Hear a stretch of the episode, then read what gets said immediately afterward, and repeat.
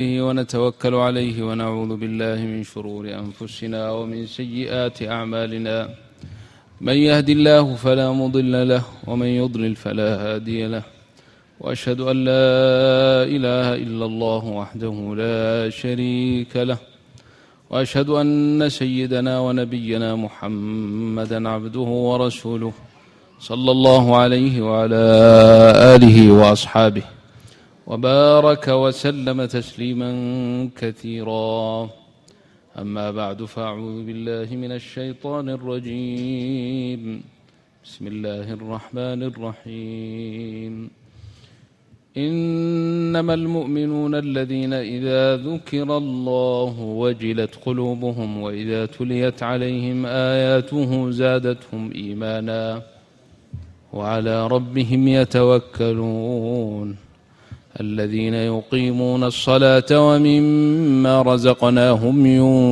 ينفقون أولئك هم المؤمنون حقا لهم درجات عند ربهم ومغفرة ورزق كريم وقال الله تبارك وتعالى وبشر المخبتين الذين إذا ذكر الله وجلت قلوبهم والصابرين على ما أصابهم والمقيم الصلاة والمقيم الصلاة ومما رزقناهم ينفقون وقال الله تبارك وتعالى وعباد الرحمن الذين يمشون على الأرض هونا وإذا خاطبهم الجاهلون قالوا سلاما والذين يبيتون لربهم سجدا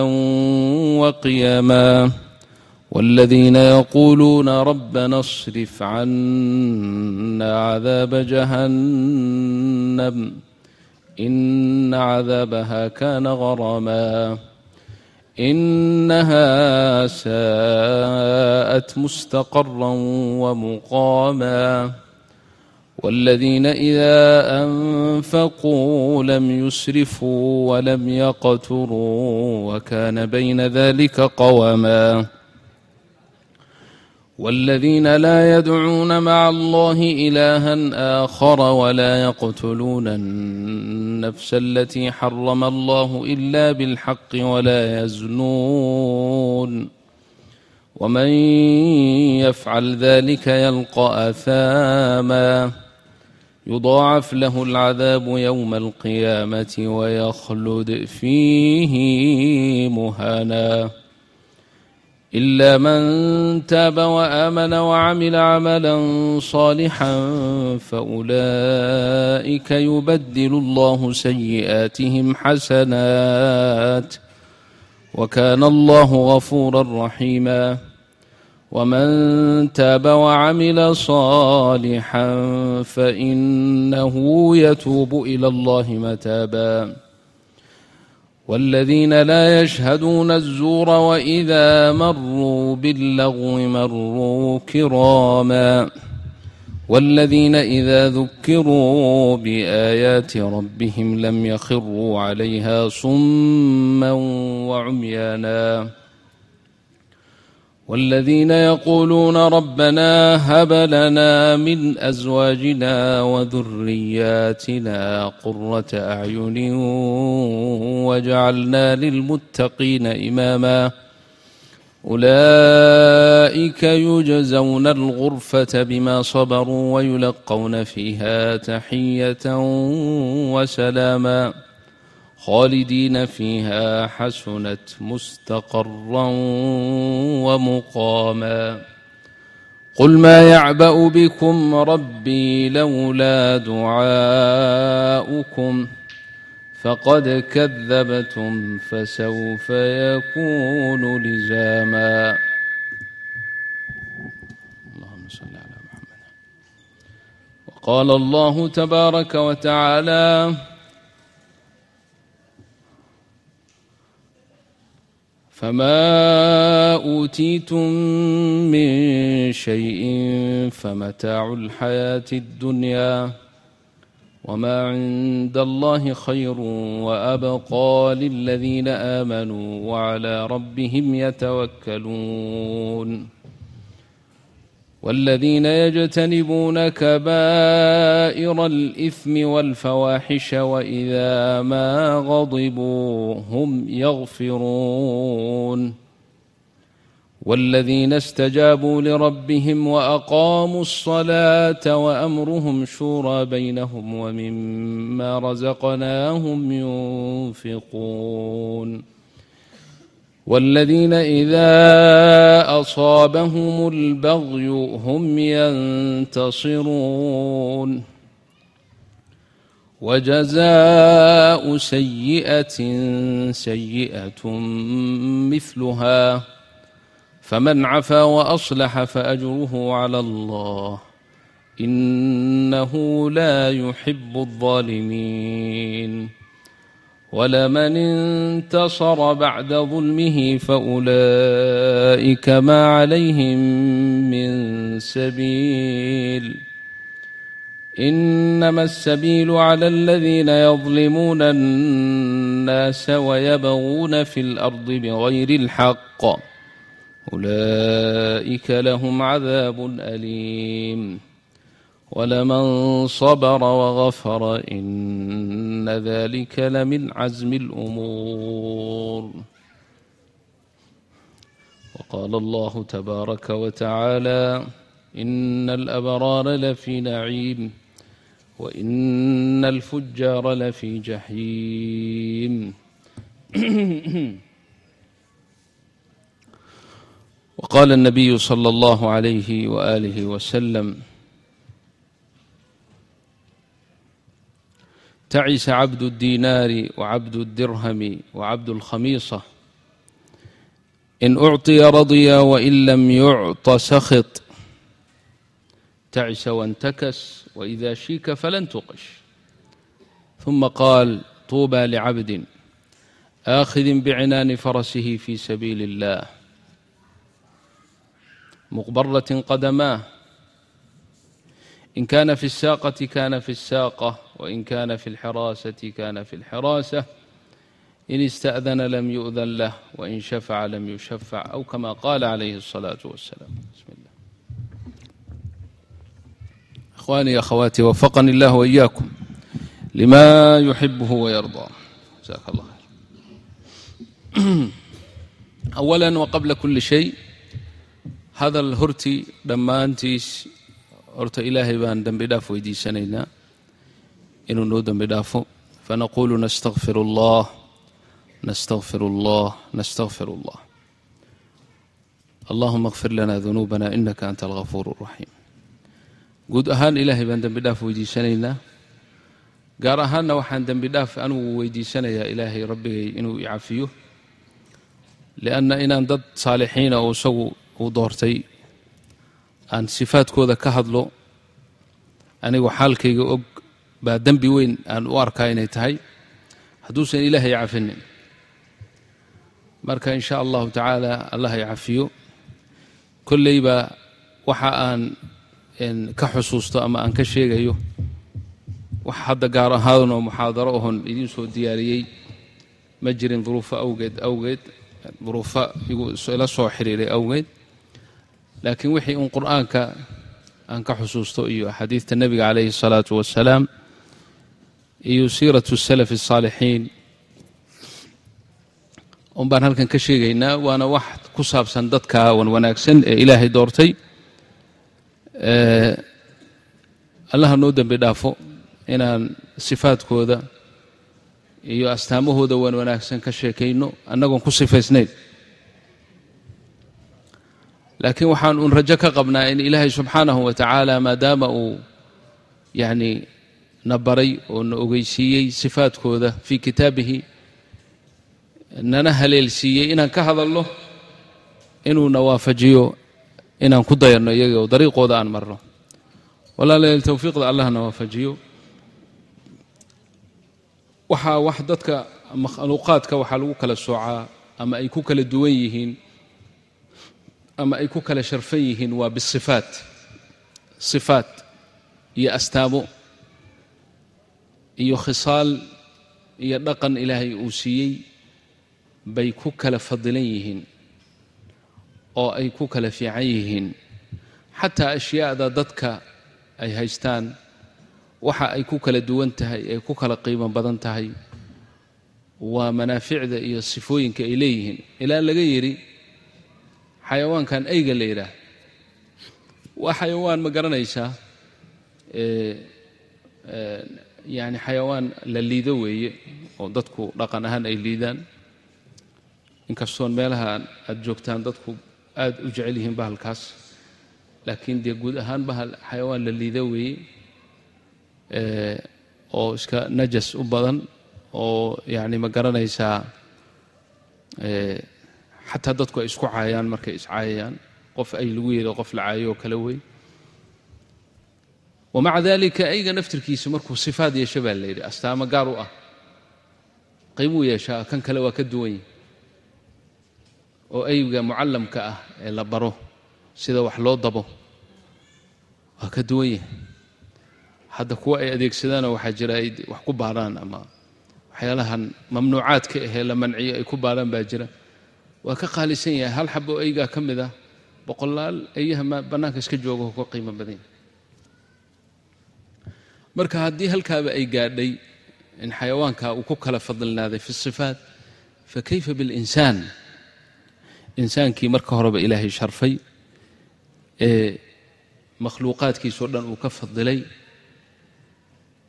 Isna waxaa kala fadila oo kala qiimo sarraysiiya waa bisifaat walacmaal alsaalixa marka ilaahayna leeyahay fi hadihi alaaya alkariima alshaamila alcaama almacruufa yaa ayuha annaas dadkao dhan baa lala hadlay. Inaa khalaqnaakum min dakarin wa unha inaa annagu haddaan rabbulcaalamiin nahay khalaqnaakum min dakarin wa unha waxaanu idinka abuurnay dakar iyo unha aadam iyo xawaa oo aabbiyi hooye keliyaad lahaydeen kullukum sifo kasta yeesha madoobaada caddaada dheerdheeraada gaabgaabnaada indha yaryar indha waaweyn kulli shay. Walaakiin asalkiinu wuxuu u noqonayaa hal aabbi iyo hal hooyo.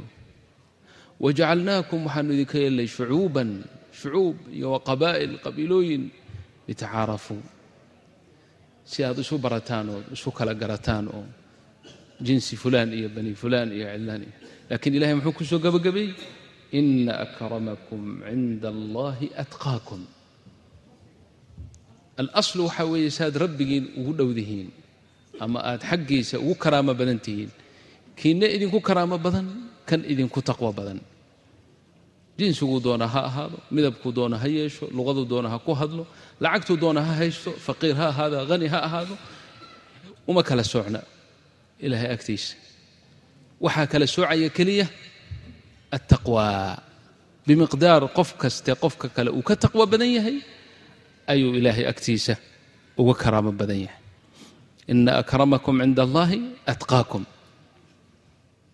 nabiga calayhi asalaatu wassalaam isagoo tusaale ka bixinaya ayaa waxaa soo maray nin raggii la fadhiyey buu yidhi bal ninkaa iga warrama waxaa la yidhi ninkan haddaan kaaga warramno waa nin shariifa waa nin maqaam dadkiisa ku leh waa nin maalqabeen ah nin aad loo ammaanay. Ninkani haddii uu gabar doono hore laga siinayaa oo cid u diidi kartaa ma jirto. Haddii uu wax shafaaco qaada ama uu meel ma garanaysaa u hadlo hadalkiisa horaa laga ma garanaysa. Hadduu hadlo waa loo aamusayaa oo waa la dhegaysanayaa yacni wax alla wixii wanaagsanaa oo dhan bay ku sheegeen. Wuu iska tegay ninkii. Hadhow nin kaleoo miskiinaa soo maray meeshii kanna iga warramayo waxay yaa rasuul allah ninkan waa nin iska masaakiinta muslimiinta ka mida iska daciifa ninkan waxay dhaheen hadduu gabar doono loo goorin maayo cidna gabadhiisa siisan mayso waa miskiinaan waxba haysanin hadduu hadla la dhegaysan maayo oo cidna u aamusi mayso haddii majaalista la fadhiyo isagaa iska hadla maahan cid dhegaysanaysa male hadduu waxbaan shafaaco qaadayaa warbal arrintan ha laga yeeli maayo. Xaalkiisa waa kabaale haddaan kaaga warrano.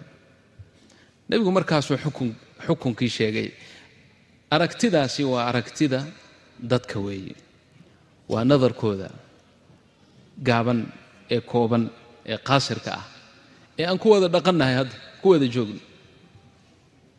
Xaqiiqatu alxaqiiqa cinda allahi buu uga warramay marka wuxuu yidhi ninkii ninkan miskiinka ahee aad sidan ku tilmaanteen ee haddii uu gabar doona aan loo guurinaynin ee haddii ma garanaysaa uu hadla aan la dhegaysanaynin ninkan ayaa wuxuu ilaahay agtiisa ka khayr badan yahay. Kaa aad horay u ammaanteen keligii ma aha. Kaa oo dhulka muggiisa kaas keligii ma aha. Kii aad horay u ammaanteen oo dhulka buuxiyey wuxuu cadad ka qabo kan keligiisaa ka khayr badan cinda allah muxuu kaga khayr badnaaday? Biاsifaat walacmaal asaalixa wa bitaqwa. Ee kama lacag badna sidaad u maqasheen? Kama sharaf iyo qabiilo wanaagsana? Intaba kan kalaa dheer laakiin kan agtiisa ilahay xaggee buu ka jooga kanna xaggee ka jooga dadkaas astaamaha wan wanaagsan ee saalixiinta ah waxay gaadheen darajo waxay gaadheen. Markii ilaahay uu jeclaaday muxuu ku jeclaaday? Midabkooda kuma jeclaanin maalkooda kuma jeclaanin qabiilkooda kuma jeclaanin shay oo adduunyada ah ama cilmi la bartay ama kada kuma jeclaanin wuxuu ku jeclaaday iimaanka iyo camalka saalixa ay ku dadaaleen darajada ilahay agtiisa ay ka gaadheen dadkaasi qaarkood waxay gaadheen in allahu rabu اlcaalamiin uu iyaga dartood u caroodo iyaga dartoodna uu u raalli noqdo. Nin hadday raalli ka noqdaan ilahay raalli buu ninkaas ka noqonaya hadday nin u cadhoodaanna ilahay baa u cadhoonaya biduuni sabab way dhacday. Waad maqasheen baan u malaynayaa saxaabadii bilaal radia allahu canhu iyo suhayb iyo salmaan saddexdaas saxaabi waxay ahaayeen saddex saxaabi oo mujtamacii maka ama madiina aan qabiil ku lahayn oo aan qolo ku lahayn. Waxay ahaayeen dad bilaalna wuxuu ka dhashay xabasha ayuu ka dhashay. Salmaan farisi buu ahaa suhaybna ruum buu ahaa. Dad waxay ahaayeen addoonnimo la addoonsado soo maray. Mujtamac ahaan marka la yidhaha dadka ugu qiimo liita bay ahaayeen walaakiin ilaahay bay rumeeyeen nebigiisii bay rumeeyeen calayhi salaatu wasalaam diintii bay u dadaaleen naftoodii bay u hureen. Allah rabalcaalamiina ayaa jeclaaday. Darajada ay gaadheen baa nooga sheekayey nebigu calayhi salaatu wasalaam berigii islaamku uu guulaystay oo xoogaystay oo heshiis baa waxaa la gaadhay gaaladii iyo muslimiinta dhexdooda oo hudna la sameeyey waxa la toban sano ha laisdaayo aan laisdagaalin heshiiskaa nebiga ayaa u waqacay oo saxiixay ogolaaday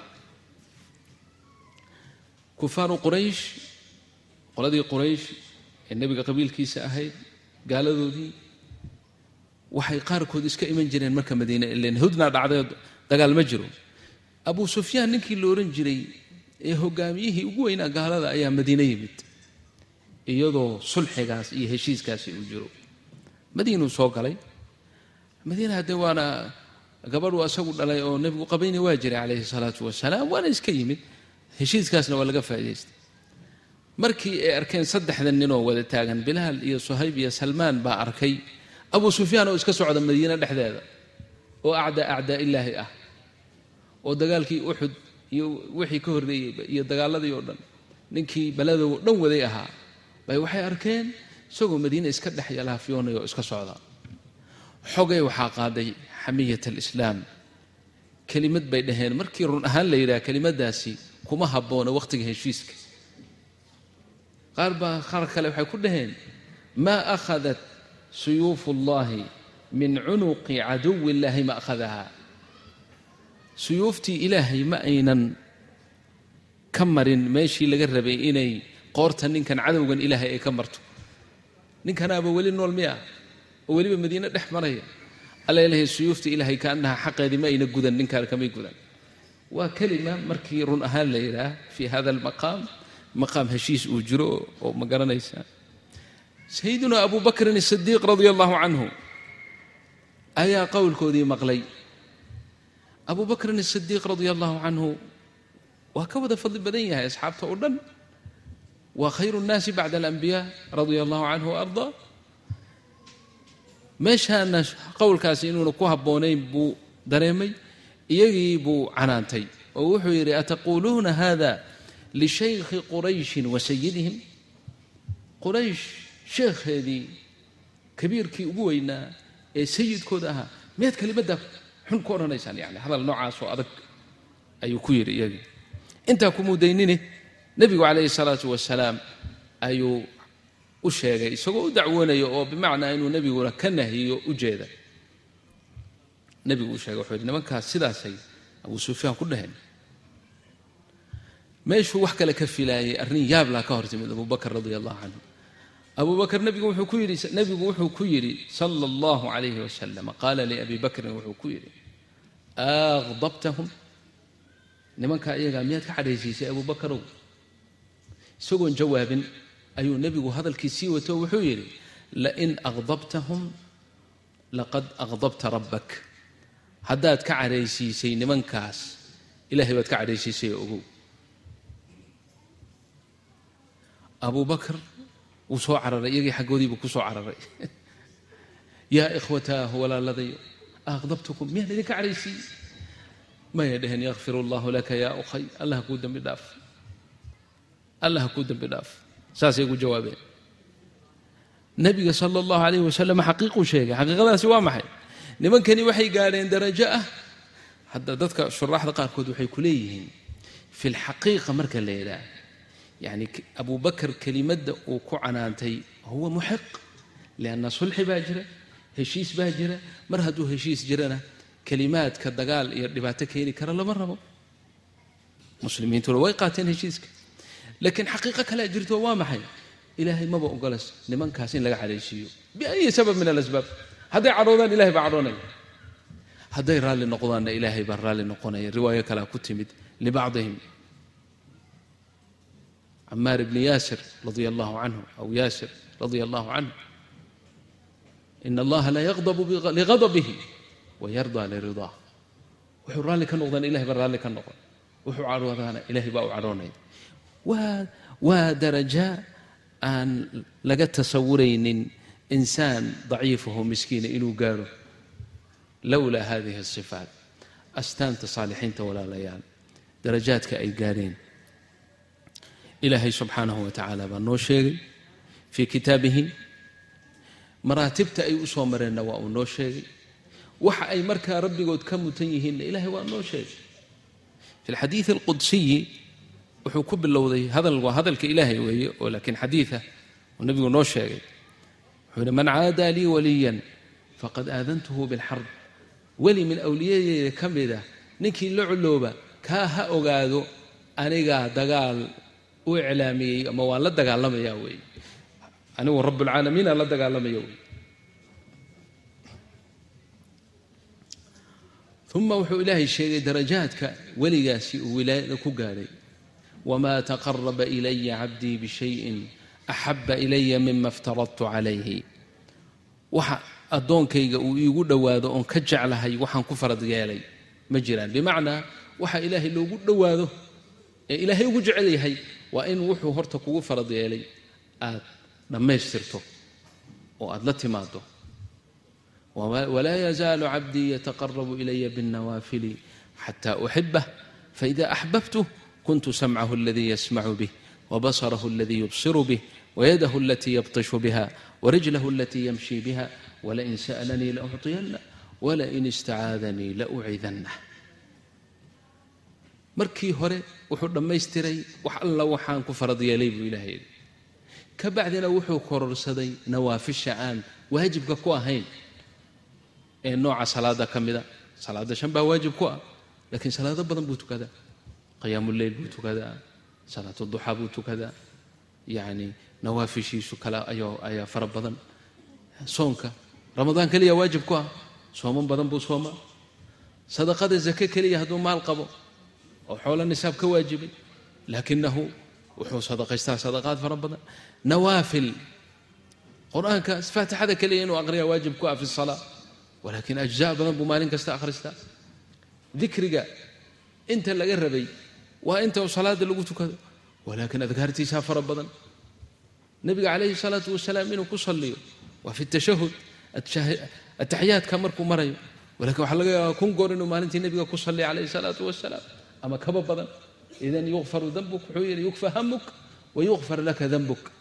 Nin baa yidhi yaa rasuul allah yacni wardigayga ama dikrigayga ama salaadka ama ducadaydaa waan fara badiyaa oo xaggaagaan u badiyaa. Iminsaan kaaga yeelaa nus ma ka dhigaa? Haddaad doonto haddaad ka badisana kaaga khayr badan. Laba ulu haddaad doonto haddaad ka badisana kaaga khayr badan. Ilaa uu yidhi ajcalu laka salaatii kullaha. Yani salaadayda fii bacdi ashuruux waxay ku leeyihiin bimacnaa ducadayda. Wafii bacdi shuruux wuxuu adkaartayda oo dhanba salligaaga ma ka dhigaa wax kaleba ma iska daayaa. Wuxuu nebigu ugu jawaabay idan idan yukfaa hamuk wa yukfar laka dambuk haddaad saa yeesho ilaahay hamigaa hamigaaga ilaahay waa kaa faydayaa yacni wax ku hamiya maba ku imanayaba hadday kusoo aad ku soo aadaanna ilah baa kaa kaafinaya dembigaagana ilah waa dhaafaya labaa kuu kulmaya hami iyo murugu arki maysid iyo dhibaato dembi dhaafna waa ku maxaad ku heshay biاsalaati calaa rasuuli اllah sala اllahu alayh waalih wasalam marka qof walba qofka uu ka badiyo marka hada alcabdu saalix adkaartuu badsaday oo taacada ilahay buu badsaday nawaafishii buu badsaday ilaa uu ka gaadha buu yidhi xataa uxibahu ilaa aan ka jeclaado allah odhanaya ilaa aan ka jeclaado markaan jeclaado kadib waxaan noqonayaa buu yidhi samcahu aladii yasmacu bih wabasarahu aladii yubsiru bih wayadahu alatii yabtishu biha warijlahu alatii yamshi biha walain sa'alanii laucطiyanah walain istacaadanii laucidanah anaa u noqonaya buu yidhi aragtidiisa iyo maqalkiisa iyo gacmihiisa iyo lugihiisa. Bimacnaa waxay dhaheen culimmadu ay yuwafiquhu allah ilaahay baa waafajinayo xubnihiisoo dhan baa waxay loo adeejinayaa taacada ilaahay. Yacnii waxaan wanaagsanayn ma arki karo maba rabo inuu arko. Wax aan fiicnaynna maba maqli karaba. Waaba ka didayaaba. Meel xunna gacmihiisa la aadi maayo meel xunna lugihiisa maba tegi karaanba. Musaanun min allahi buu noqonaya. Ilah baa ilaalinaya. Halkaa markuu marayo wuxuu i weydiistay waan siinayaa wuxuu iga magangalana waan ka magangelinaya bimacnaa ducadiisa ilahay mustajaab ka dhigaya. Walaalahay towfiiqda allahna waafajiyo. Alaslu fii sifaati cibaad illaah addoommada ilaahay wan wanaagsan. Asaas waxaa u ah alacmaal alqalbiya acmaasha qalbiga. ah qalbigoodaa wanaagsanaaday iimaankoodaa ziyaado ah rabbigood bay ku xidhan yihiin alsifaat alqalbiya ilaahay aad buu ugu ammaanay. Waata aayadda aan ku bilaabannay weeye ee markaa haddaan aqrinayay inama almu'minuun aladiina ida dukira allah wajilat quluubuhum. Waa sifa qalbiya allah markay magaciisa maqlaan.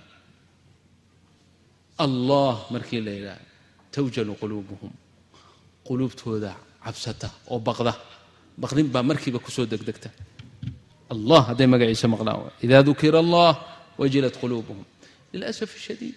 Aayaddaas in badan baan aqrinaa in badanna rabbigeen magaciisa waan maqalnaa in badan annagoo maqlaynana haflaanu ku jirnaa mana isweydiinno mana ka murugoonno. Mana ka cabaado yani inaad isweydiiso wey yaa rabbi hadihi waa sifaat ulaa'ika hum lmu'minuuna xaqaa baa ilahay ku soo dambaysiiyey mu'miniinta xaqa ee dhabta waa kuwaas. Dayib ma leeyahay anugu sifadaas? Sifadaa ma leeyahay. Rabbigay markaan magaciisa maqlo. Ma gariiraa ma cabsadaa ma baqaa. Maya soo ma ahaa. Allele naqsi baa igu jira iimaankaygu kaamil ma aha. Waa inaan marka dadaalaa. Waa inaan gaadhaa cala alaqal ina wax iga maqan yihiin waa inaan ogaadaa. Aladiina ida dukira allah wajilat quluubuhum. Kow waida tuliyat calayhim aayaatuhu zaadathum iimaana aayadaha ilahay haddii lagu dul akhriyana iimaan baa markiiba u ziyaada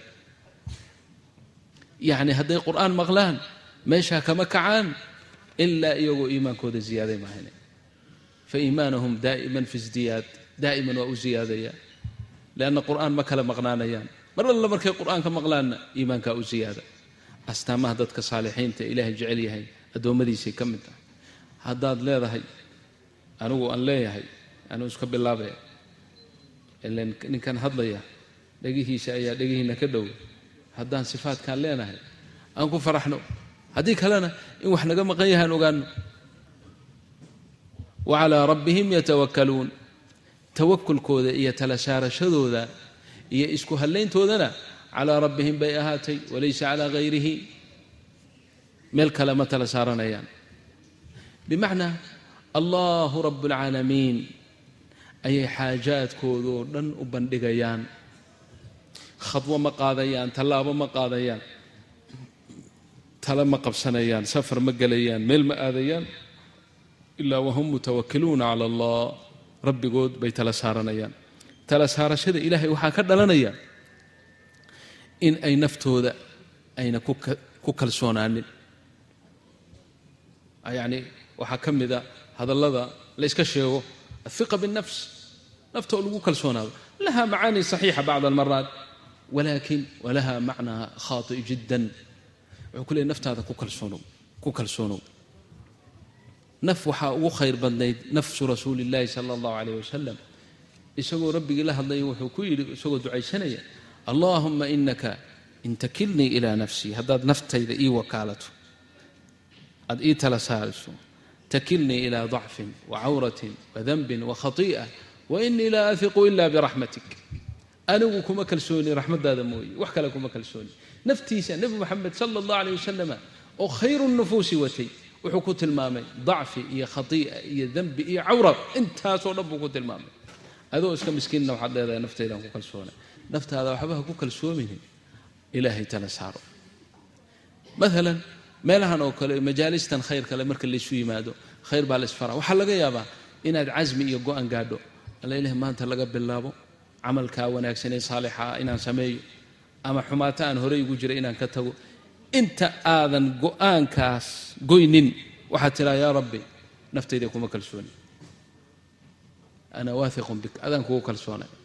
Haddaad i waafajiso unba i waafaqaysaa haddii kale ducooyinkay ka mid ahayd allahuma ma nadartu min nadrin aw xalaftu min xilafin xalfin famashii'atuka bayna yaday dalika ma shi'ta kana wma lam tasha lam yakun asaaska cibaadullahi الsaalixiin cibaadaadka wanaagsan ee jirkooda ka farcamay waxaa asaas u ahaa qalbigoodoo fiicnaaday oo towxiid ka buuxsamay laa yushrikuuna birabbihim shaya rabbigood uma shariik yeelayaan laa fi shirkigan iska waadix ahee gaaladu ay asnaamtii caabudayeen ee hayrullahi meel iska dhig.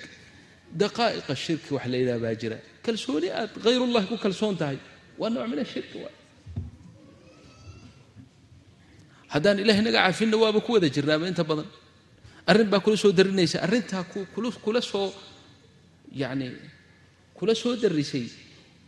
Inta aadan hebel iyo hebel baa arrintayda xallinaya aadan ka fikirin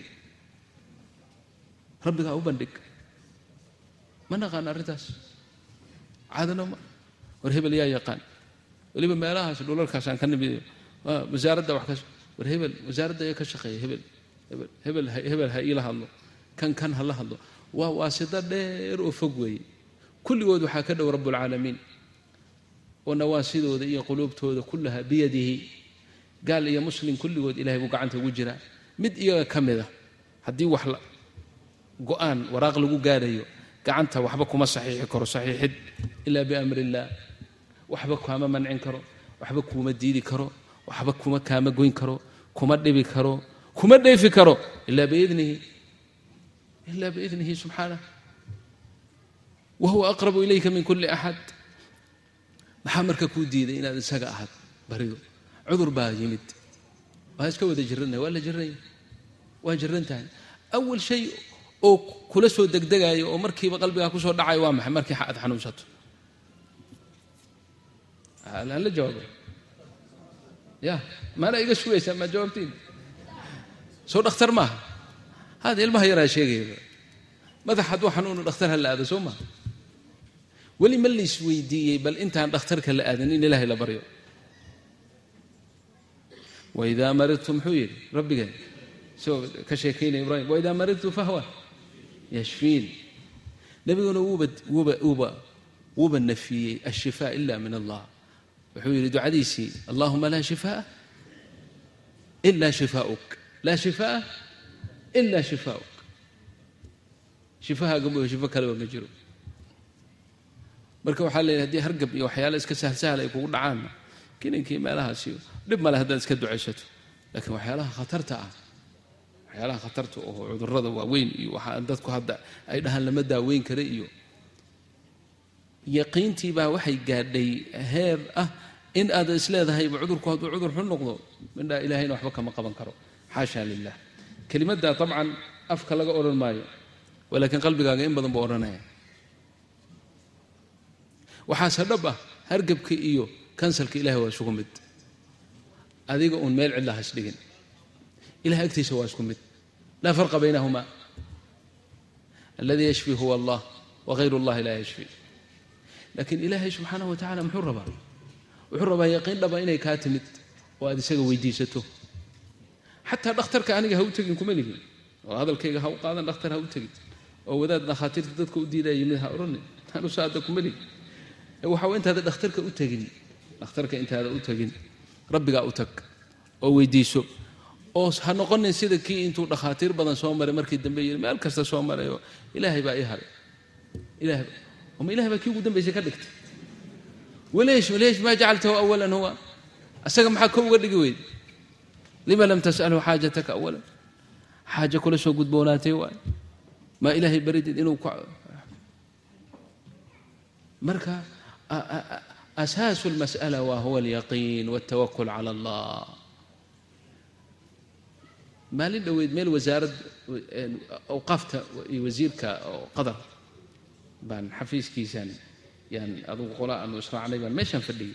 Yar dhallinyaro ah oo shaqadii maalin dhoweed laga eriyey baa meesha taagan fadhiya. Waa isnaqaynayo wuxuu yidhi wallahi laba biloodba ninkan baan daydayayey shaqadiina waa laiga eriyey isagiina albaabkiisa waa laii diidan yahay. Kelimad buu yidhi marka aad aniga ii gelgishay wuxuu yidhi maa yaxil mushkilatii ilaa hu waa kalima yani carabiya ma fahmi maa yaxil mushkilatii ilaa hu yani mushkiladayda ma xallinaya isaga mooye wuxuuna farta ku fiiqay baab albaabkii wasiirka marka wuxuu yidhi ila hadal waxaan ma kula hadlaa ha buu yidhi ila hadal allah yajzik khayr waxaan haddaan kuula hadlayaa goormaa rabtaa inaan kuula hadlo haddaan kuula hadlayaa haye waxaan idhi allaahumma ilaahay yaa man laa yaqdi xaajata hada alinsaan ila anta yaa man laa ilaaha ilaa hu iqdi xaajata cabdika hada ilaahu xaajada addoonkan u gud. Isagu wuxuu u malaynaya inaan wasiir baan kuula hadlaya anna kelimaddii uu i yidhi xaajadayda ma gudaya ilaa hu baaba i dhibtayba. War waxaa kelimat ilaa hu laa yustacmal ila lilahi rabbi alcaalamiin wasiirkan muxuu yahay? Laysa bishay addoon miskiinaho daciifa. Weeyaan oo isagaba xaajadiisa ilaahay shaaka uga fadhiya. Fakayfa taquul laa yaqdi ila hu? Yarkaa dee muslim buu ahaay arrintii waxoogay. Way yar gelgishayo alxamdu lilah wuxuu yidhi jazaaka allah khayr nabahtanii waa tambihisay mar dambe uu noqon maayo. In sha allah yaqdi illahu xaajatakaani waa iska tegay maba ogeynba habeenkii buu ila soo hadlay wuxuu yidhi laba bilood ninkii aan daydayayey markaad iga dhaqaaqday. Buu albaabka intuu furay oo isoo qabtay oo xafiiskii sii geeyey oo si fiican ii dhegaystay ayuu shaqadiina dib iigu soo celiyey. Waxaan idhi xaajadaada yaa guday. Hada wasiir wala rab lwasiir wa rab lwasiir waxaan kuula hadlaan idhi rab alwasiir waa in sha allah ilahay baa waafaqay hadda intii ka dambaysayba maa sha allah ninkii nin fiican buu noqday wuxuu yidhi waxaa xaajadayda aan helay iiga darnaaday buu yidhi yaqiinta aan rabbigay u helay subxaanahu wa tacaala. Fahakada ikhwaani wafaqanii illah waiyaakum allahna waafajiyo anoo iska yarberi sheekooyinka sheekay keenaane oo ashar meesha la yidhaha wax ka dhigta fi lqaahira haddayna iska masaakiinna waa la iska ahaa. Nin oo aan daris ahayn oo ahli masjidkeenna ay soo maray laba boqol oo geni waa lacag aad u fara badan buu isiiyey kutub badan baan ku iibsaday. Ka bacdi eraboorka waxaa nimid. Qaahiro oo waxaan u socdaa soomaaliya diyaaraddii somalia airlines waay waa siddeetankii baan u malaynaya siddeetan iyo kowdii taqriiban eraboorkii baan nimid. Kutub aad u fara badan oo karaatiin badan baan wataa. Marka miisaanka midka meesha fadhiya waa yar masriya weeye. Diyaaraddu waa soomaaliya laakiin nin masriya meesha miisaanka u fadhiya miisaan badan oo lacag badan ay igu soo baxday maba haystaba lacagtaas. Wuxuu yidhi lacagtaasaa lagaa rabaa ma hayaan inaan ku jeesjeesay u qaatay marka. Markaasuu aad yani ii canaantay oo dhaliilay oo icaayay oo waa ish ma cindaka see u iman kartaa adoon meesha. Waxaan idhi insha allahu waa insha allahu waan dhoofaynaa kutubtana way dhoofaysa. Wuxuuba u qaatayba inaan taxaddi. Wuxuu yidhi ataxadaak ataxadaak buu yidhi ataxadaak waa ataxadaak af soomaaliya maxaan ku odhan karnaa yani ku carcar gelinaya maya wallahi mashaash ya carwakaasi weeyaan kutubtaasi wuxuu yidhi mid yeel adigu dhoof kutubta ha iska joogto ama kutubtu ha dhoofta adiga iska joog laakiin inaad wada dhooftaan ataxadaaka alyowm anna waxaan idhi insha allah in sha allah wa ana ataxadaak aniga kutubta inaan wada dhoofno wallahi inaana waxba isku allah cunug yaroo sidan ka yar fiicanna waan iska ahaa berigaas yani ogay almuhim waa saqdii dhexe weeye subaxa aroortii lixda meelahaasay diyaaraddu baxdaasi haddaan u malaynayo salaadiis masaajidkan iska tegay ilahay baan iska baryey ilahay baan iska baryey waxaan ilahay aniga kutubtayaanaan kala harin oo maanta idhoofi min cindik. Waana waahiqun billah ilahay baan iska baryaya insha allah. Salaaddii subax baa la adimay salaaddii subax baa la aqimay dharkii khamiiskii waxaan qabay ii maleeyeen waxay dheheen tuji salaaddii baan tujiyey. Salaaddii markaan ka baxnay oo aan salaama naqsaday ninka igu soo xiga ee safka hore fadhiya waa nin yacni xidigo badan leh oo daabit weyn ah. Ninkii waxaan arkay iska ooyaya waaba ooyayaaba salaaddii qur'aankii baa taafiiriyey ilama hadlayna baasaboorkii iyo tigirkii buu qaaday wuu fiiriyey. Wakhtigii diyaaradduu ogaaday wuxuu yidhi ya sheikh diyaaraddiinna wax xoogay baa ka dhiman min fadlika qur'aan kale noo aqray qur'aan baan akhriyey intaan akhriyay isna wuu sii ooyaya. Nin fiican buu ah waaba iska sii ooyaya calaa kulli xaal ninkii muxuu noqday? Madaarka amnigeeda ninka ugu sarreeyu noqday. Yani aeroboortka wax ka sarreeya male waxaa ka sarreeya kaan weydiistay inuu idhoofiyo man huwa? Allah rabbi bas. Walaysa hayr allah markaa qur'aankii dhammaynay buu yidhi nakeen waaba kaxeeyey ninkii. Xafiis weyn oo kor ku yaalla oo kuraasi badan iyo quruxda iyo waxa yaalla aad yaabayso ayuu ifariisiyey shaah buu ii dalbay buskud buu ii dalbay. Muddo markii aan mustanisiin ahayn nin fiican buu ah ayuu wuxuu yidhi maxaa adiga u dhammayn weyday waraaqahagii oo bahalkii diyaaradda lagu fooli laha ad u qaadan weydo? Waxaan xoogay mashaakil baa iga yar haystay xagga miisaanka. Yaa jooga meeshaas buu yidhi niman buu la hadlay waxaa leeyahay hebel hadda ha yimaado yidhi xaalan ninkii oo ordaya oo midhaa weligiiba aan xafiiskan looga yeedhin wallahu aclam baa soo galay. Soo galay. Wuxuu arkay anigiioo meesha fadhiya oo buskudki iyo shaah iyo alaabtii hor yaalla. Oo ninkii daabitka ahaana uu maaragtay. Wuxuu u qaatay inaan wax ka sheegay ama aan dacweeyey. Waxbana kama sheegin waxbana ma odhan. Waa iska gariiray wallaahi bani aadam inuu bani aadam ka baqo maalintaasaan ogaaday waa iska gariiray aywa sacad albeen aywa fadilat الsheikh ya mawlana kunta hakhalas waan dhammayn lahaa arrintaadii xaggee haddaay waan ku waayay kadib aan jirin. Kadib aan jirin buu sheegay. Waa hadda ninkii lahaa taxadaak laa ilaaha ila allah almuhim kii baa yidhi yaa warwarkaan iska dhaafay. Kayf sheikhan ninkan yani asxaab hada albaraka wax saasuu yidhi aad meel cidda alaabtiisa uga tegaysaa dad kale u dhoofinaysa. Yalla khallasum alaan jabli baasaboorka tigirka wallaahi marka uu saa ku leeyahay counterka diyaaradda waa xidhanta waa la xidhay. Miisaanka waa la xidhay. Isagaa intuu dib tegey oo baasaboorkii qaaday oo karaatiintaydii meesha cidlow haddii ku tuuray soo uruursaday ayuu dib intuu u furay buu dib u geliyey. Isagoo baasaboorkii iyo bahalkii boonibaaskii diyaaradda lagu fuulayey la wado ayuu ii keenay. Saamaxnaa fadilta sheikh waa kada ana asif jiddan kada marka anigu waxaan iska yaqiinsaday kan ii dhoofiyey inuu ilaah yahay jala jalaaluhu anigii kutubtaydaba ninkii daabitka weynaa laba laba kiis oo xataa shantadoo cuslaa oo aan reebtay oon islaha marka yani miisaanku inuu kugu badanin buu yidhi leesh maxaa kun u raacin weyda calaa kulli xaal wuxuu iska dhaaf nin askariga ugu daray wuxuu yidhi u qaad sheekha gelin ayi waaxid oo yatacarad lihada الsheikh laa yumkin ma xaddish yufatishu mafhuum aywa sacata albeyt sheekha lama fatishi karayo war meeshii anigoo wasiir ka weyn baan ka dhoofay iridii aan imaadaba waxaa la yidhaha tafadal ya sheekh tafadal sheekh wallahi diyaaradda dad soomaaliya oo saarnaa oo markii horena ay arkayay sida la ii hagardaamaynaya markii dambena waxay ninkan ma wasiir baa ma xaggee buu ka socdaa almuhim nastakfir allah wanatuubu ilayh ilahay horta yaqiinta hana siiyo aniga waxaan uga jeedaa ikhwaani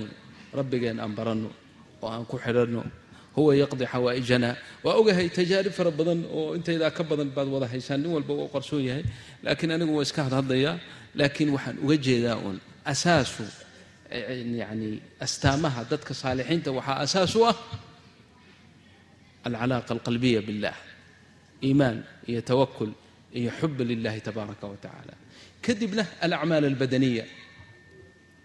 Alacmaal albadaniya oo ay ugu horeyso salaada astaamaha dadka saalixiinta ah waxa ugu weyn ee ilaahay uu ku ammaanayo waa salaada daa'iman ilahay salaaduu ku ammaana. Yani yamdaxu llah ilaahay waa ammaana addoommadiisa. Waxyaalaha uu had iyo goor ku ammaano waxaa ka mid ah salaadaa ka mid ah أول شيء قرآنka ilahay يعني أول sورة في kitaaب الlah hudى للمتقيin الذيina يؤmiنuuna بالغyb iimaanka maxaa ku xigay وayuqiimuuna الصلاة. dadkii saalixiinta ahaa markuu ambiyada in badan ka soo sheekeeyey وأwxaynaa إlayhim ficla الkhayraati وإqاama الصلاة. muسى عalayه السلاam sidoo kale إsmaaعiil وkana yأmuru أhlahu bالصلاة نبi mxamed slى الlaه عليه وsلم وأmur أhlka bالصلاaة wastabir calayha laa nas'aluka risqan naxnu narzuquk waalcaaqibatu liltaqwa sifaadkii dadka suusuuban ee fii suurati almu'minuun ku bilowday suuradda mu'minuun loo bixiyey qad aflaxa almu'minuun bay ka bilaabatay mu'miniintii baa liibaanay waa liibaaneen ka bacdi sifaadkii ay ku liibaaneen baa ilaahay tiriyey wuxuu ka bilaabay aladiina hum fii salaatihim khaashicuun salaadooda ku khushuucayeen wuxuu ku dhammaystiray waladiina hum calaa salaatihim yuxaafiduun. Salaadooda ilaalinaya marna waa khaashiciin marna waa xaafidiin. Salaadooda laa yudayicuun. Wuxuu yidhi waladiina yu'minuuna biاlaakhirati yu'minuuna bihi. Kitaabka qur'aanka way rumaynayaan. Wahum calaa salaatihim yuxaafiduun. Yuxaafiduun. Almuxaafada cala asalawaat astaamaha ugu waaweyn ee ugu tilmaan weyn ee uu ku tilmaamay rabbigeen cibaad allahi asaalixiin ayay ka mid ahayd. Salaadda maxaa laga doonayaa? Saddex shay. Wuxuu yidhi nebigu calayhi salatu wasalaam fi alxadiidi aladii fi saxiixi muslim. Ninkii salaad farad farad ah ay u timaado oo ilaaliya saddex shay. Rukuucaha wa khushuucaha wuduu'aha wa rukuucaha wa khushuucaha kanat kafaaratan lima qablaha ma lam tu'ta kabiira wadalika adahra kullahu salaad ninkii ay u timaado oo ilaaliya. Rukuucda waxaa loo wuduu'a waxaa loo jeedaa alisticdaadaat alqabliya. Wax alla waxa salaada ka horreeya oo weysadii ha noqoto tahaaradii ha noqoto istiqbaal alqibla ha noqoto ilaaliya. Rukuucdana waxaa loo jeedaa arkaanteeda oo dhan. Qiyaamkii iyo qucuudkii iyo wixii la aqrinayay hagaajinteedii faatixada inaad iska hagaajiso. Oo weligaaba faatixo qalad aad iska wadan. Yani haddii ereyg yar ku xanuuno dhakhtarkaad u bandhigaysaa haddii indhaha waxa aad ka garan weyda dhakhtar baad u bandhigaysaa waxaa laga yaabaa faatixo qalada weligaa inaad wadatood berri aad ilaahay ula tagto. Salaad qalad ah. Maa yufiidak marka faatixadan inaad iska saxdo oo waxaad ku tukanaysa iska saxdo oo aad barato salaaddii inaad barato aadan bawsigii ayayda aad ka qaadatay aada ku joogine aad salaada si wanaagsan aad u barato. Waa muxaafada calaa rukuuciha arrinta saddexaad waa maxay? Khushuucuhaa. Wa khushuucaha khushuuceeda waa maxay? Waa qalbigii. Qalbigii ma la helayaa? Alqalbu mawjuud ya mashaayikh walaa mafquud. Qalbi maqan baan wadanaa markaan salaada tukanayno ilaa man raxima allah. Waxaa leeyihi nin saxaabiyay kuwa taabiciina weydiiyeen yaa abaa fulaan hal tashu fii salaatik? Salaadda markaad ku jirto ma sahwidaa?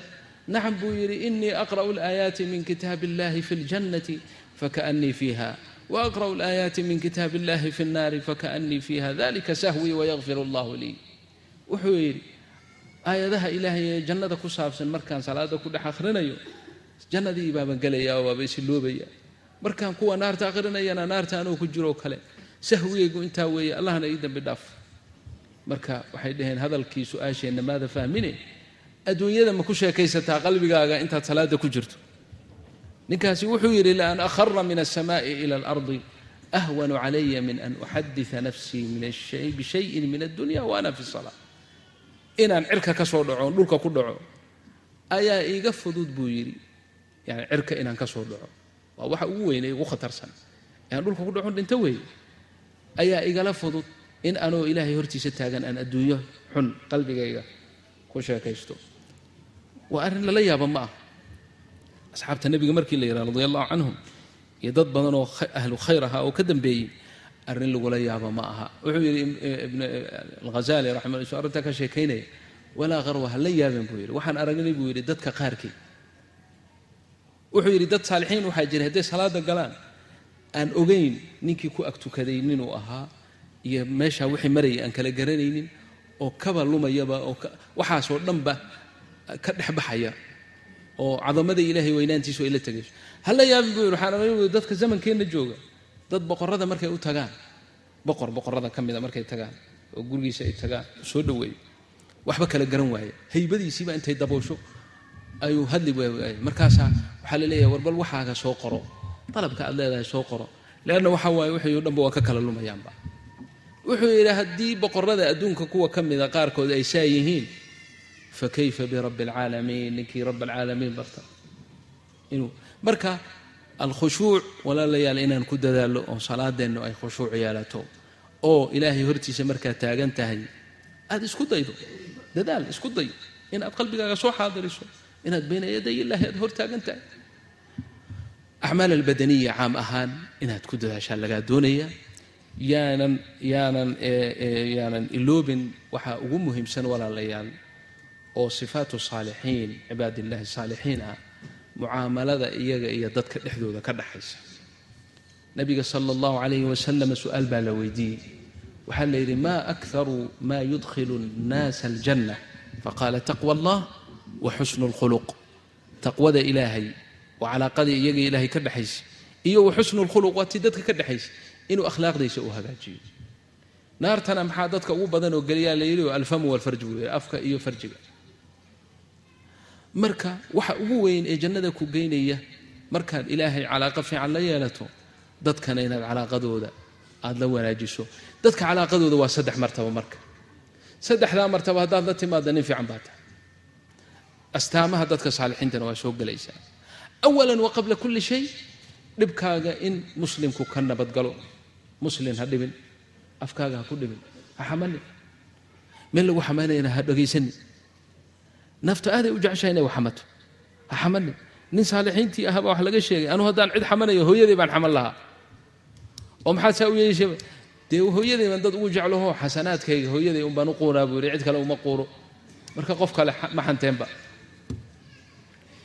marka qofka aad xamanayso ogow waa rasiid aad bangigiisa aad ku shubayso raatibkii bishii aad sugayso oo dhan ka waran haddii hebel aad lagu wareejiyo aan weliba libiya abaal kuugu qabin soo dhibaato maa qof adinkaaga ha ku dhibin ishaada ha ku dhibin qalbigaaga ha ku dhibin. Qalbiga inaad xaqirto qof muslima waxaa weeye buu yidhi kafaa bilmari sharan an yaxqira akhaahu lmuslim inaad qalbiga ka xaqirto iga liitaa aad qalbiga hoosta ka tira. Muslimiintoo dhan inay kaa fiican yihiin u qaado. Wuxuu yidhi imaam ashaatibi raximah llah wallahi haddii waqti haysana imaam shaatibi abyaadiisan aqray laha baarak allah fiik alimaamu shaatibi raximah llah dadka wan wanaagsan sifooyinkoodu ka sheekeeyey kitaabkiisa muqadimadiisa fii qiraa'aadka isaga oo uga dan leh in ninkii qur'aanka calaaqa la yeelanayo uu sifaatkaa yeesho. Haddii kale uusan ahlulqur'aan ahayn. Wuxuu yidhi binafsihi man istahdaa ila allahi waxdahu wa kaana lahu lqur'aanu shirban wamaqsala binafsii baan ku fidyooday ama ku madax furanayaa man istahdaa ila allahi wa kaana lahu qur'aanka ka dhigtay shirban wamaqsala cabitaan iyo qasli oo maaragtay qalbigiisa uu ku dhaqo. Ilaa uu soo wado wuxuu yidhi yacudu jamiica annaasi mowlan liannahum calaa maa qadaahu allahu yujruuna afcula. Dadka oo dhan inay sayid yihiin oo isaga ka fadli badan yihiin buu ku tirinayaa lianna kulligood qadarka ilahay bay ku socdaan. Qof hadduu maanta xagga cibaadada ka liito ma xaqirayo ma oga berri waxa ilaahay ninkan u qoraayo isaga meeshuu noqon doono. Marka wuxuu leeyahay lacalla inuu iga khayr badnaado hadhow qalbigiisa abadan qof walbaba. Wuxuu yidhi nin saalixa ninkaa weyn haddaad aragto waxaa tiraa uu iga fadli badan yahay maxaa yeelay? Rabbigay buu u sujuuday intaanan dhalan adduunka. Mid kaa yar haddaad aragtana waxaa tiraa alla ilahi waa iga fadli badan yaho. Dembi badanoona ani gelin baan isagaan galay anigu yuusan isaga weli gelin. Marka dadkao dhan kaa fiican yihiin wuxuu yidhi fatuubaa lahu washawqu yabcaثu hamahu wasandu اlأsaa yahtaaju fi اlqalbi mushxila yaraa nafsahu bاldami أwlى lأnaha clى اlmajdi lam talcaq min الصbr wاlأla wqad qiila kun kalkalbi yuqsiihi أhlhu wma yأtali fii nasxihim mutabadila waa beyt cajiib leh. Wuxuu yidhi dadka aad la dhaqmayso ama aad la joogto in dulmi la'aan aad ahaato lagama yaabo. Laazim waa in dulmi kugu yimaadaa dadka kuwii ugu khayr badnaa dulmi la'aan ma ahanin nebiyada ugu khayr badnaao waa la dulmiyey. Kulligood waa la dulmiyey. Adina maxaad filaysaa? Marka ilaa wa ilaaba waa lagu dulminayaa. Dadkan ku dulminaya waxaad kula noolaataa sida eyga oo kale. Eyga sifo wanaagsan uu leeyahaa jira. Waa maxay? Dadkiisu way gaajaysiinayaan waa ay dilayaan waa ay caayayaan waa eryayaan. Habeenkii markii tuug soo dhaco waa hurdaan iyagu. Dadkii maalintaasoo dhan dhibayey. Habeenkii tuug markuu soo galo reerkooda oo wax ka qaadanaya xoolahooda qaadanaya odhan maayo dadkii maanta dhibkaa ii geystay anu aamuso tuugo alaabta ha ka qaata ma dhahayo. Wuu ku yani wuu ku wahwahlaynaya oo marka waa eryayaa oo waa wuu kicinayaa oo si maarag yani maalkiibuu u dhicinaya ma odhanayo maantay sidan ii galeen. Wuxuu yidhi adigana waxaa lagaa doonayaa dadka inaad saa ula dhaqanto haddii lagu dhibo haddii lagu caayo wax kastoo laguu sameeyo adigu waxaad ula dhaqantaa si wanaagsan. Oo ibdil lahum alxasanaat. Marka walaalani towfiiqda allahna waafajiyo. Cunsur alkhuluq waa min ahami alumuur. Salaax kaste iyo wanaag kaste istaamo kaste oo fiican oo mu'minka muslimku la yimaado waa hal bacaad lagu liso. Waxba u tari mayso haddii ay akhlaaqdiisu aysan wanaagsanayn haddii aad dadka dhibayso ama waxaa dhici doonta ama nebigu waa noo sheegay in acmaal fara badan badan qofku la yimaado yowma alqiyaama oo maqbuula ah oo saalixa ah oo hadhow la kala qaybsado. Hebel waxaasuu ilaahay ugu sameeyey adna intaa qaado adna intaa qaado adna intaa qaado. Acmaashii baa dhammaatay. Dad kaloo marka daalac u raacay baa meeshii jooga. Waxaa la dembigiinii soo qaba imisaad ku leedahay intaas. Wax xasanaada ma haysto. Keen dembigaaga isagii baa la dul saaray. Naaru jahannamaa lagu tuuray nebigu kaa wuxuu ku tilmaamay almuflis wuxuu yidhi almuflisu min ummatii man yaأti ywma alqiyaama bisalaatin wasiyaamin wazaka wayaأti waqad shatama hada wadaraba hada wasafaka dama hada waakala maala hada marka xuquuqda bani aadamka in la iska ilaaliyo waa min ahami sifaati cibaadi illahi الصaalixiin ramadaan baa nagu soo socda oo maalma naga xigaan waa bishii ugu khayr badnayd ee aad muslim haddaad tahay mu'min haddaad tahay aad ku kasban kartay in sha allahu tacaala bacda towfiiq illah alacmaal alsaalixa iyo dadka wan wanaagsan astaamahooda.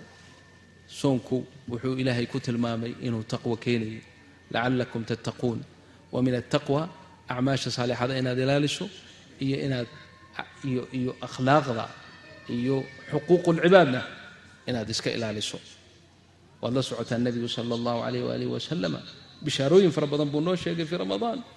Ninkii sooma oo falam yarfi oo nebigu calayhi salaatu wasalaam yani ninkii sooma oo aan ka tegin rafatha alqowl iyo waxyaalaha xunxun iyo hadal xunxun aan ka tegin ilaahay subxaanahu wa tacaala gaajadiisa iyo oonkiisa waxba ku fali maayo waxbana u tari maayaan marka soonku waa furso wanaagsan oo aad ku kasban karto biidni illahi tacaala sifaadka iyo astaamaha dadka wan wanaagsan weeye wa min astaamaha dadka wan wanaagsan oo ku soo khatimayna waxaa weeyaan inay khayrka dadka la jeclaadaan oyna weligood iyagu keligood isku koobin oo haddii ilaahay ku waafajiyo wanaag ku waafajiyo aad walaalaha wanaaggaa la jeclaato inaad la jeclaatana waa inaad u sacyido inaad u sacyadana macnaheedu waa inaad daaci noqoto aad dadka diinta ilahay ugu baaqdo oo khayrka ugu yeedho khayrka ilahay ku waafajiyey dadka jeclaysii adigu adoon iska iska faanfaaninaynin oo iska sarraysiinaynin khayrka jeclaysii dadka walaalaha ee iyagu maata muqasiriinta ee cibaadada ka fog ha iska kibrinine. U tag oo iyaga soo dun oo khayrka u sheeg oo la jeclow. Astaamaha dadka saalixiintaay ka mid tahay towfiiqda allahna waafajiyo. Nas'al allaha tacaala an yuwafiqana wanasaluhu awala an yakfira lana. Dad wan wanaagsan inaan yacni acmaashooda ka sheekayno annaguna xaalkeenna ilaahay og yahay. Ilaahay waxaan ka baryaynaa inuu noo dembi dhaafo una taa noo qabanin. Aaniyanna inuuna waafajiyo in acmaal saalixa oo wanaagsan oo dadkaana gaarsiisa ilaahay uuna siiyo hibatan min cindihi yaa waahib alminan alcidaam ilaahay oo adaa minan waa weyn dadka u qaybiya. Waxa ugu weyneedna siinaysa hidaaye ha noqoto yaa rab alcaalamiin. Inaadna hanuuniso oodna waafajiso oo cibaadaka asaalixiin aad naga mid dhigto ina dalika calayka yasiir وبالإجابة جدير اللهم اغفر للمسلمين والمسلمات